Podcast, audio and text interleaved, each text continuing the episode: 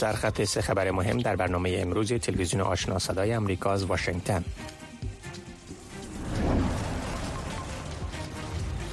کمیسیون مستقل حقوق بشر افغانستان مدعی است که طالبان با اجساد قربانیان نیروهای جبهه ضد طالبان برخورد غیر انسانی کرده و مانع تدفین آنان شده است. پس از درگیری های صبح شنبه میان نیروهای حمایت سریع و نیروهای مسلح سودان در بسیاری از مناطق خرطوم پایتختان کشور و سایر مناطق خارج از پایتخت حداقل 56 نفر کشته و حدود 600 نفر دیگر زخمی شدند.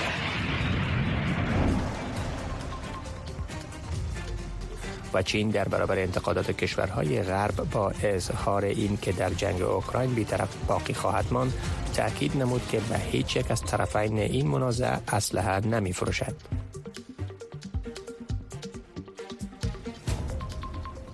سلام بینندگان گرامی. به برنامه امروز خوش آمدین. امروز یک شنبه 16 ماه اپریل سال 2023 میلادی هست. برنامه امروز به طور مستقیم از طریق وبسایت و فیسبوک تلویزیون آشنا صدای آمریکا و همچنین در رادیو روی موج متوسط 972 کیلوهرتز به نشر می‌رسد. من محمد احمدی هستم.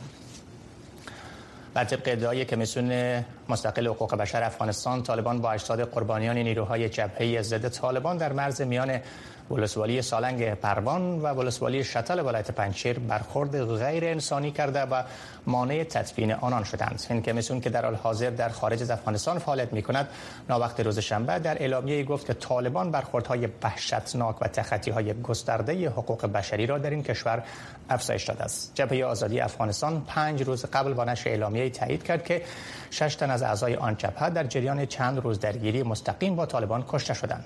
کمیسیون مستقل حقوق بشر افغانستان همچنان مدعی شده است که پس از این رویداد طالبان به خانه های بستگان قربانیان حمله کرده و ضمن توهین و تحقیر شماری از آنان را بازداشت کرده است. جبهه آزادی افغانستان گفته است که طالبان تنها جسد فهیم سالنگی را به خانوادهش تسلیم دادند اما آنان راز برگزاری نماز جنازه و سایر مناسک دینی منع کردند. این جبهه ضد طالبان مدعی شده است که تلاش های کمیته بین المللی صلیب سرخ هم در این باره نتیجه نداده است. طالبان تا اکنون در این باره اظهار نظر نکرد اما پیش از این وزارت دفاع حکومت طالبان گفته بود که اکمل امیر و هفت از همراهانش در جریان عملیاتی بر مخفیگاه آنان در مرز میان ولایت پنشیر و پروان کشته شدند. حال برای بررسی تخطی های حقوق بشری طالبان در پیوند به ادعای کمیسیون مستقل حقوق بشر افغانستان. مبنی بر خشونت طالبان علیه خانواده های قربانیان جبهه ضد طالبان با آقای زمان سلطانی پژوهشگر دیدبان حقوق بشر در جنوب آسیا صحبت می‌کنیم. سلام آقای سلطانی گرامی. روز شما بخیر. پنج روز از کشته شدن شش عضو جبهه آزادی افغانستان که جبهه ضد طالبان هست در شمال کشور میگذرد. طالبان اجساد قربانیان را قسمی که در خبر هم شنیدین هنوز به خانواده هایشان تسلیم نکرده و کمیسیون مستقل حقوق بشر هم ادعا کرده که طالبان با اجساد قربانیان برخورد غیر انسانی کرده است. به نظر شما دلیل این کار طالبان چی هست و چقدر این اعمال رفتار نقض حقوق بشر تلقی میشه؟ با عرض سلام خدمت شما و بنندگان نهایت گرامی شما. با امیدی که خوب باشین. خب گزارش یا اعلامیه را که کمیسیون مستقل حقوق بشر افغانستان نشر کردن در واقع مدعی بر نقص جدی حقوق بشری و شمول مانع از تدفین یا حد بر اجساد کسایی که در جنگ با طالبان کشته شهید شده است. و همینطور ادعای ای که طالبا خانواده یا بستگان کسایی که در این جنگ کشته شده مانع آزار و اذیت از اینا شده. یعنی در واقع یعنی طالبا به جای این یک نوع مجازات جمعی بگیم. یا مجازاتی که مثلا خارج از فرد هست در زیر داره طالبا در واقع صورت می‌گیره با یعنی نه تنها کسی که برخلاف طالبا جنگیده یا برخلاف طالبا اقدام کرده اونا مورد مجازات آزار و اذیت قرار می‌گیرن بلکه خانواده یا بستگان از هم. این کمیسیون بله آقای سلطانی این کمیسیون از نهادهای حامی حقوق بشر مثل نهاد شما که دیدبان حقوق بشر هست خواسته تا با واکنش های عاجل جدی و موثر جلو نقض حقوق شهروندان ملکی و بیدفاع را بگیرن واکنش دیدبان حقوق بشر به این تخطی های ادعا شده چی هست؟ چه اقداماتی را شما بتونن انجام بده؟ ما مربوط عفو بین الملل سازمان عفو بین الملل بشن دیدبان حقوق بشر سازمان متفاوت هست.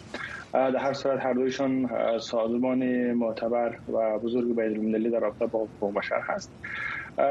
ما از زمان به قدرت رسیدن طالبا تا به هنوز شاهد نقص های گسترده و سیستماتیک حقوق بشری در افغانستان هستیم توسط طالبا. ما شاهد قتل قتل ها یا کشتارهای زیاد افراد ملکی و یا نیروهای امنیتی و حکومتی قبلی توسط طالبا هستیم. ما شاهد دیسکری های فراقانونی هستیم. شاهد کوچ های اجباری هستیم. و شاهد نقص گسترده حقوق بشری حقوق زنا و دخترها در افغانستان هستیم.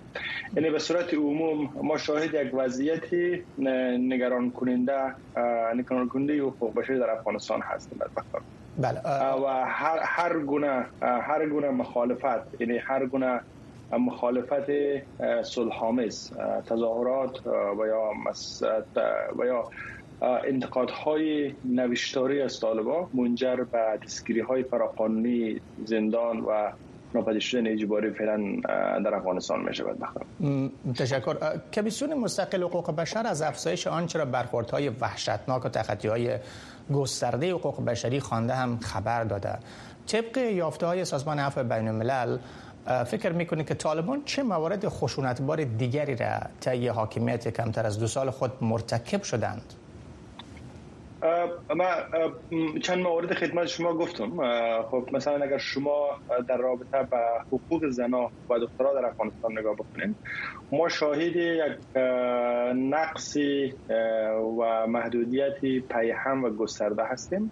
یعنی هر چقدر وقت بیشتر از حکومت طالبات شده به مو زمین به مو اندازه محدودیت ها و نقص حقوق, بشر، حقوق بشری و حقوق زنان در افغانستان گسترده تر پیهمتر و فراگرتر شده. ما شاهدی کشتارهای فراقانونی هستیم که موارد زیادی وجود داره. ما شاهدی ناپدید شدن های شکنجه و دستگیری ها هستیم. و بدبختانه در رابطه با در رابطه با نقص های گسترده ای که صورت می‌گیره توسط افراد طالبا یا خود طالبا در افغانستان ما شاهدی هیچ گونه پاسخگویی در این رابطه نیستیم.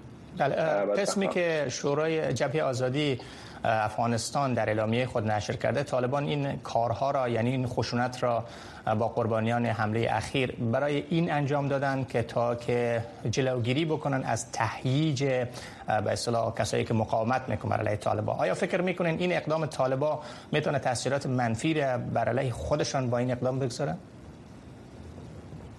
خوب من همونطور که خدمت شما گفتم در یک سال در, در, یک نزدیک به دو سال گذشته که دو سال نشده. ما شاهدی وضعیت یعنی شاهد وضعیت بودیم که روز به روز وخمتر و خرابتر شده می‌رفتن یعنی ما شاهد بهبودی وضعیت حقوق بشری یا حتی وضعیت بشری و وضعیت کلی در افغانستان نیستیم بدبختانه تشکر از آقای زمان سلطانی. اصلاح می سازم که پژوهشگر در سازمان عفو بین الملل در بخش جنوب آسیا که در برنامه امروز با ما صحبت کردن و دیدگاه خود را در ارتباط با نقض حقوق بشر از سوی طالبان که ادعاش در کمیسیون مستقل حقوق بشر بیان کردن. سپاس از شما که در روز رخصتیتان در برنامه حاضر شدن آقای سلطانی. تشکر از شما. بخیر. باشین. بخیر.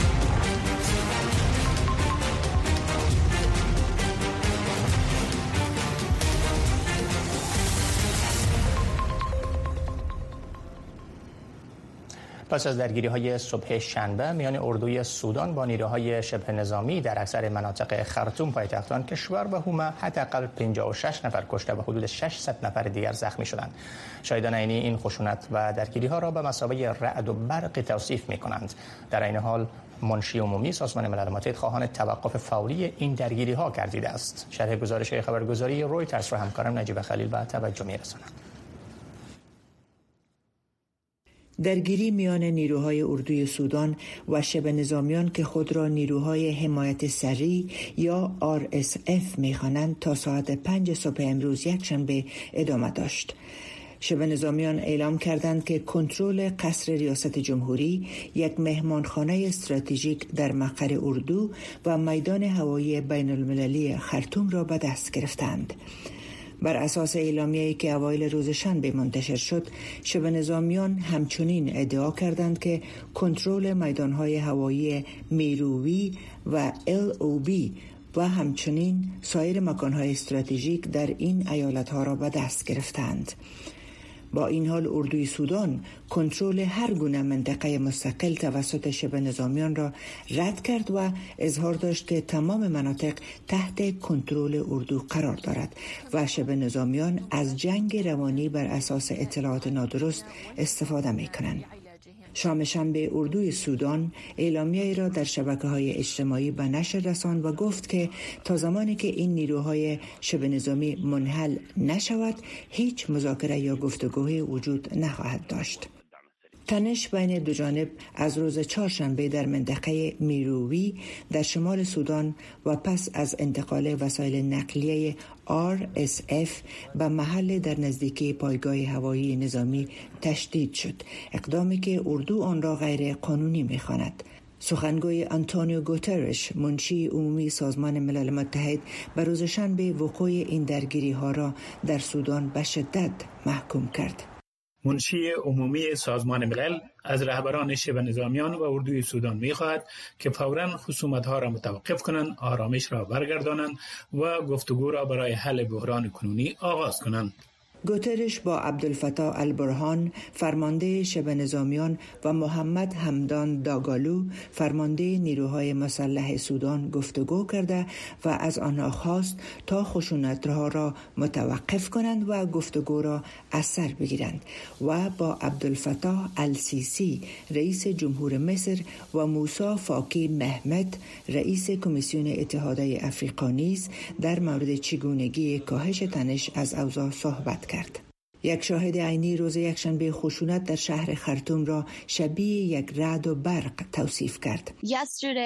دیروز صبح حدود ساعت نو به نظر می رسید که انگار یک طوفان آغاز شده است. ما از خواب بیدار شدیم بیرون رفتیم.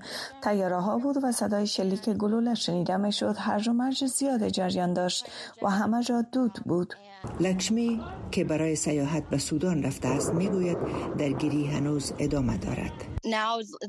در حال حاضر بسیاری از مردم در خانه های خود پنهان هستند. درگیری از دیروز صبح ادامه دارد. شب کمی آرام بود و بعد ساعت یک یا دو شروع شد و جت های جنگی دوباره به پرواز درآمدند. ویدیویی گرفته شده از صحنه دود سیاه در منطقه نزدیک میدان هوایی بین المللی خرطوم را نشان می دهد جایی که یک تیاره خطوط هوایی عربستان سعودی در جریان درگیری بین نیروهای RSF و اردو مورد آتش قرار گرفت.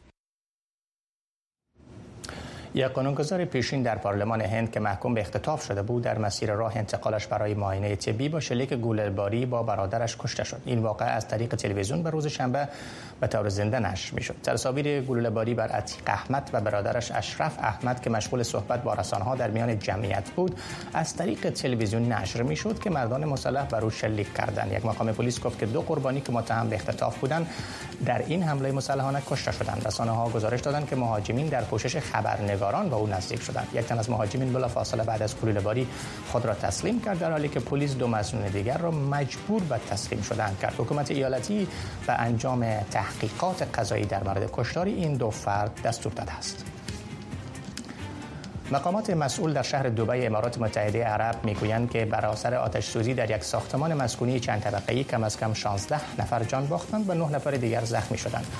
و گزارش روزنامه دولتی نشنل این آتش سوزی در منطقه ای از دبی رخ داد که ساختمان های آن قدیمی است. در بیانیه اداره دفاع ملکی دبی آمده است که بارز معذرت آتش سوزی در آپارتمان های منطقه الرأس که دارای خیابان های باریک است و یکی از دلچسب ترین مناطق شهر می باشد رخ داده است. مقامات هنوز دلیل وقوع آتش سوزی در این مناطق در این ساختمان پنج طبقه را چیزی نگفتند اما تحقیقات در مورد این حادثه را آغاز کردند وزیر تجارت ژاپن در یک کنفرانس خبری گفت که وزرای بخش اقلیم و انرژی گروه هفت کشور صنعتی جهان امروز یکشنبه به همکاری با مناطق جنوبی کره زمین با هم دیگر برای حصول اهداف اقلیمی همکاری می کنند. کشورهای گروه هفت به تسریع توسعه انرژی قابل تجدید و کاهش تصاعد گازهای گلخانه‌ای توافق کردند. این وزرا در شهر شمالی ساپاروی ژاپن برای نشست دو روزه در مورد پالیسی اقلیم، انرژی و محیط زیستی گرد هم جمع شدند. مسائل منابع سوختی قابل تجدید و امنیت انرژی بعد از تهاجم روسیه بر اوکراین فوریت تازه پیدا کرده است.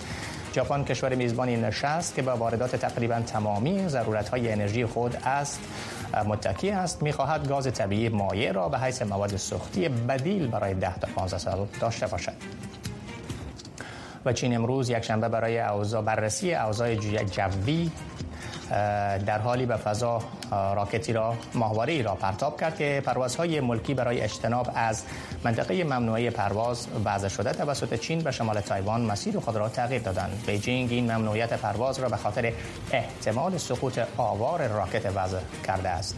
شرکت علوم و هوافضا و تکنولوژی چین که قراردادی اصلی چین برای برنامه فضایی آن کشور است گفت که ماهواره فنجیون 3G مربوط آب و هوا یک ماهواره برای سطح پایین مدار زمین است که به منظور ردیابی باران طراحی شده است. این ماهواره از ولایت شمال غربی گانزو موفقانه پرتاب گردید این شرکت در مورد مسیر حرکت این ماهواره چیزی نگفت اما پرتاب آن با اعلام قبلی چین در مورد منطقه ممنوعه پرواز همزمان بوده است. وزیر ترانسپورت تایوان گفت بیجینگ در ابتدا تایپی را مطلع ساخت که آن کشور از روز یکشنبه تا سهشنبه زون منع پرواز را اجرا خواهد کرد. اما بعدا گفت که پس از اعتراض تایوان این دوره به 27 ساعت کاهش یافت. چین در برابر انتقادات کشورهای غرب با اظهار این که در جنگ اوکراین بیطرف باقی خواهد ماند تاکید نمود که به هیچ یک از طرفین این منازعه سلاح نمی فروشد وزیر خارجه چین در ملاقاتش با بیرباک وزیر خارجه آلمان که به چین سفر کرده است یک کنفرانس خبری این اظهارات را بیان داشت. این در حالی است چین اعلام نموده که هفته آینده لی شانگفو وزیر دفاع خود را به دعوت همتای روسیش سرگی شویگو به این کشور اعزام می کند صدای آمریکا در این باره گزارشی را تهیه کرده است. کینگ کانگ وزیر خارجه چین روز جمعه میزبان انالینا برباک همتای آلمانی خود بود. کینگ گفت که چین می‌خواهد برای صلح میان روسیه و اوکراین کار کند. و این اظهارات وی که بیجینگ به هیچ یک از طرفین درگیری اسلحه به فروش نخواهد رسانید مایه تعجب همگان را فراهم کرد. این بسیار خوب است که چین از تعهدش در برابر راه حل اشاره کرد ولی من باید به طور واضح خاطر نشان کنم که چرا تا کنون و طور آشکار از روسیه متجاوز نخواسته است و جنگ را متوقف کند. سفر وزیر خارجه آلمان به بیجینگ در پایان آخرین سفر مانوئل مکرون به این کشور انجام می شود مکرون با اظهار این مطلب که اروپا نباید در منازعه بین ایالات متحده و چین روی تایوان خود را درگیر سازد واکنش را در بر داشت. این در حال است که تشنجات در منطقه به اوجش رسیده است که چین تمرینات بزرگ نظامی را برای محاصره کشیدن تایوان به راه انداخت. تایوان در برابر این عمل چین مانور نظامی جنگ را در برابر حمله یک کشور تمرین کرد. قوات های جدایی طلب تایوان در این جزیره با حمایت و نفوذ قوات های ماورای ابحار مصروف مداخله در فعالیت های جدایی طلبان استقلال تایوان هستند. امروز این عامل عمده برای وضعیت پرتنش در تنگه تایوان به شمار می رود هرگاه همه خواهان ثبات در تنگه تایوان و صلح و آرامش در منطقه اند باید موقف روشن را در برابر استقلال تایوان و مداخلات خارجی از خود نشان دهند. برباک گفت تشدد نظامی در تنگه مهم تایوان یک وضعیت فاجعه باری را برای آلمان که متکی به صادرات است به میان خواهد آورد. برخی از کارشناسان می‌گویند که مذاکرات مکرون با چین روی عدم فرستادن محموله های اسلحه به روسیه طوری که معلوم می شود ممکن در برابر این باشد که فرانسه روی موضوع تایوان از موقف چین جانبداری خواهد کرد. دیده شود که آیا چین روی تعهد خود در مورد عدم فرستادن اسلحه به مسکو پابند خواهد ماند یا خیر قوات های جدای طلب تایوان در این جزیره با حمایت و نفوذ قوات های ماورای ابهار مصروف مداخله در فعالیت های جدای طلبان استقلال تایوانند. امروز این عامل عمده برای وضعیت پرتشنج در تنگه تایوان به شمار می رود. هرگاه همه خواهان ثبات در تنگه تایوان و صلح و آرامش در منطقه آنها باید موقف روشنی را در برابر استقلال تایوان و مداخلات خارجی از خود نشان دهند. یکی دیگر از کارشناسان به صدای امریکا گفت با آنکه انتخاب و وقت از سوی مکرون مناسب به نظر نمی رسد اما ممکن یک پیام رک و راست را به پلیس سزان در واشنگتن و بروکسل بیان داشت. که اروپایی ها همین اکنون در برابر حمله روسیه بر اوکراین ناراحت می باشند جیران نوری تلویزیون آشنای صدای امریکا واشنگتن. مرور هفتوار بر مهمترین رویدادها و گزارشها از افغانستان و جهان هر جمعه شب از ساعت هفت تا هفت و سی در برنامه سی دقیقه از تلویزیون آشنا صدای امریکا پخش زنده این برنامه را در نشرات ماهوارهی صدای امریکا نیز دنبال کرده می توانید.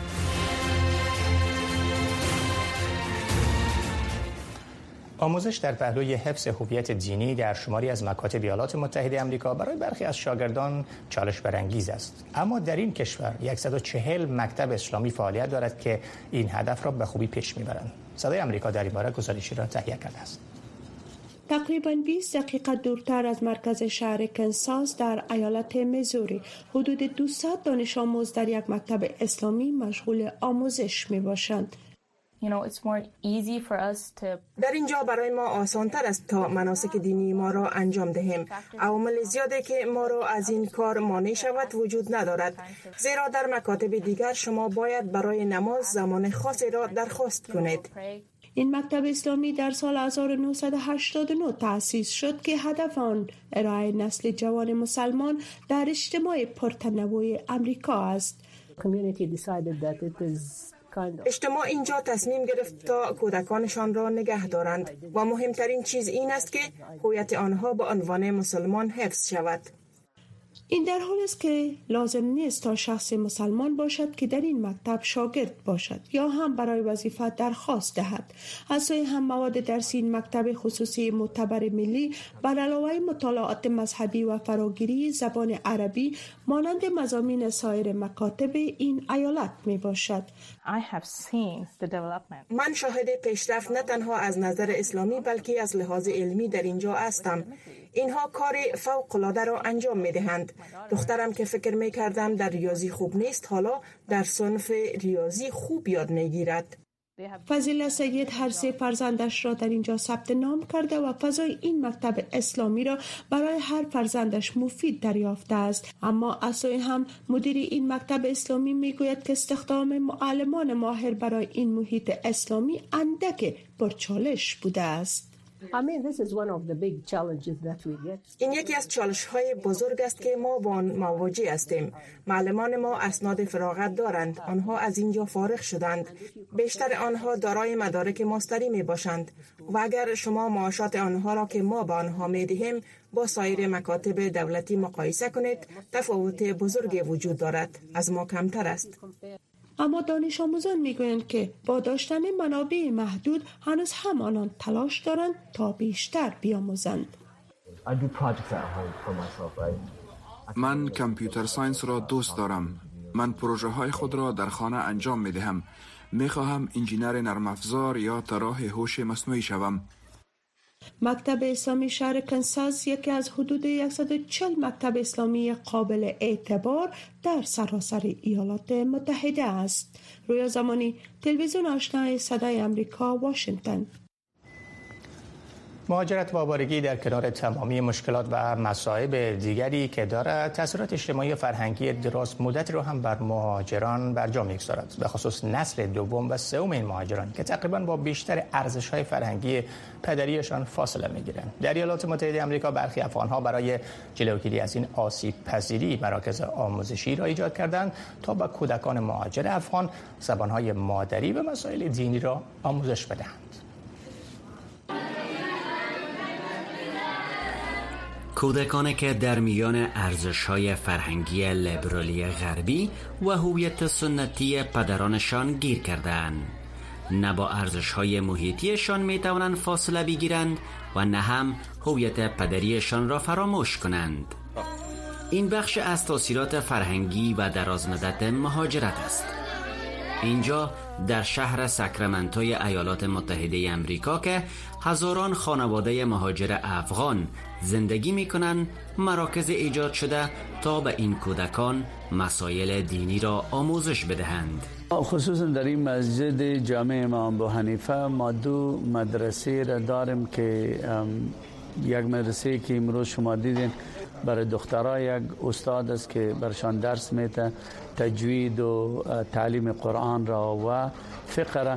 و سه کلاس های دیگه است که استادها هم برشان تجوید و حفظ و تعلیم قرآن است و در پهلوش و روزای شنبه یک شنبه ما به تقریبا در حدود 250 240 شاگرد داریم در ضمن از که قرآن کریم برشان تدریس میتیم کتاب های اسلامی که از جمله فقه عقاید اسلامیات تاریخ اخلاق و ادب هم برشان تدریس میشه. الحمدلله کسایی که همگی شمای جدید 60 نفر تقریبا 99 فیصد از یا امی کسایی هستند که امی یک سال یک نیم سال یا دو سال میشن که آمدن به امریکا نیت می‌کنم که بخوانم.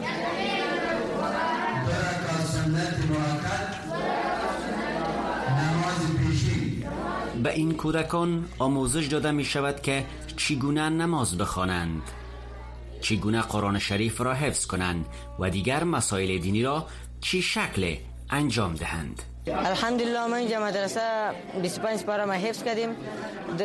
روزانه دو ساعت درس داشتیم. از خاطر رمضان حالی یک ساعت است. و اینجا همراهش کتابا اخلاق احادیث آداب فقه و سیرت النبی همراهش می‌خوانیم. در شمال کالیفرنیا نهادهای خیریه اسلامی هم توجه بیشتر بر آموزش کودکان مسلمانان در مساجد دارد مؤسسه المصباح برای آموزش کودکان برای هر مسجد چند آموزگار اسلامی را مقرر کرده است. و اینا کاملا دسترسی به تعلیمات دینی و اسلامی دارند و ما زیاد کوشش خود کردیم یعنی هم اطفال میتونن کده که اینا برند مسجد قرآن شریف اینا اونجا یاد بگیرن یا اینا را تدریس بده. دیگه به می خاطر ما اونجا استادار استخدام کردیم که اینا درس قرآن شریف اونجا یاد میتن و همچنان پاشتو دری املا و انشا اینا را باشه درس میتن یک زمینه یک فرصت بازینه برابر کن که تا اینا کدام احساس کمبوتی دین اسلام اینجا باید نداشته باشه اینجا مسجد امام ابو حنیفه است جایی که سالهای قبل کلیسا بود. مسلمانان و افغانهای ساکن سالهای قبل این کلیسا را نزدیک به یک میلیون دلار امریکایی خریداری کردند و مسجد ساختند و امروز صدها کودک افغان مصروف آموزش های اسلامی در این مرکز آموزشی هستند. فهیم صدیقی تلویزیون آشنای صدای امریکا کالیفرنیا.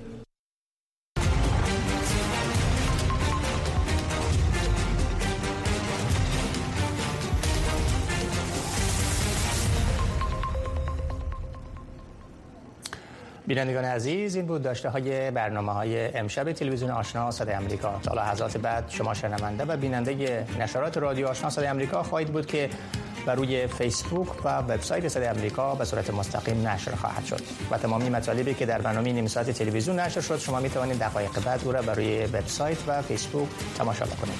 روزتان بخیر موفق و کامیاب باشید.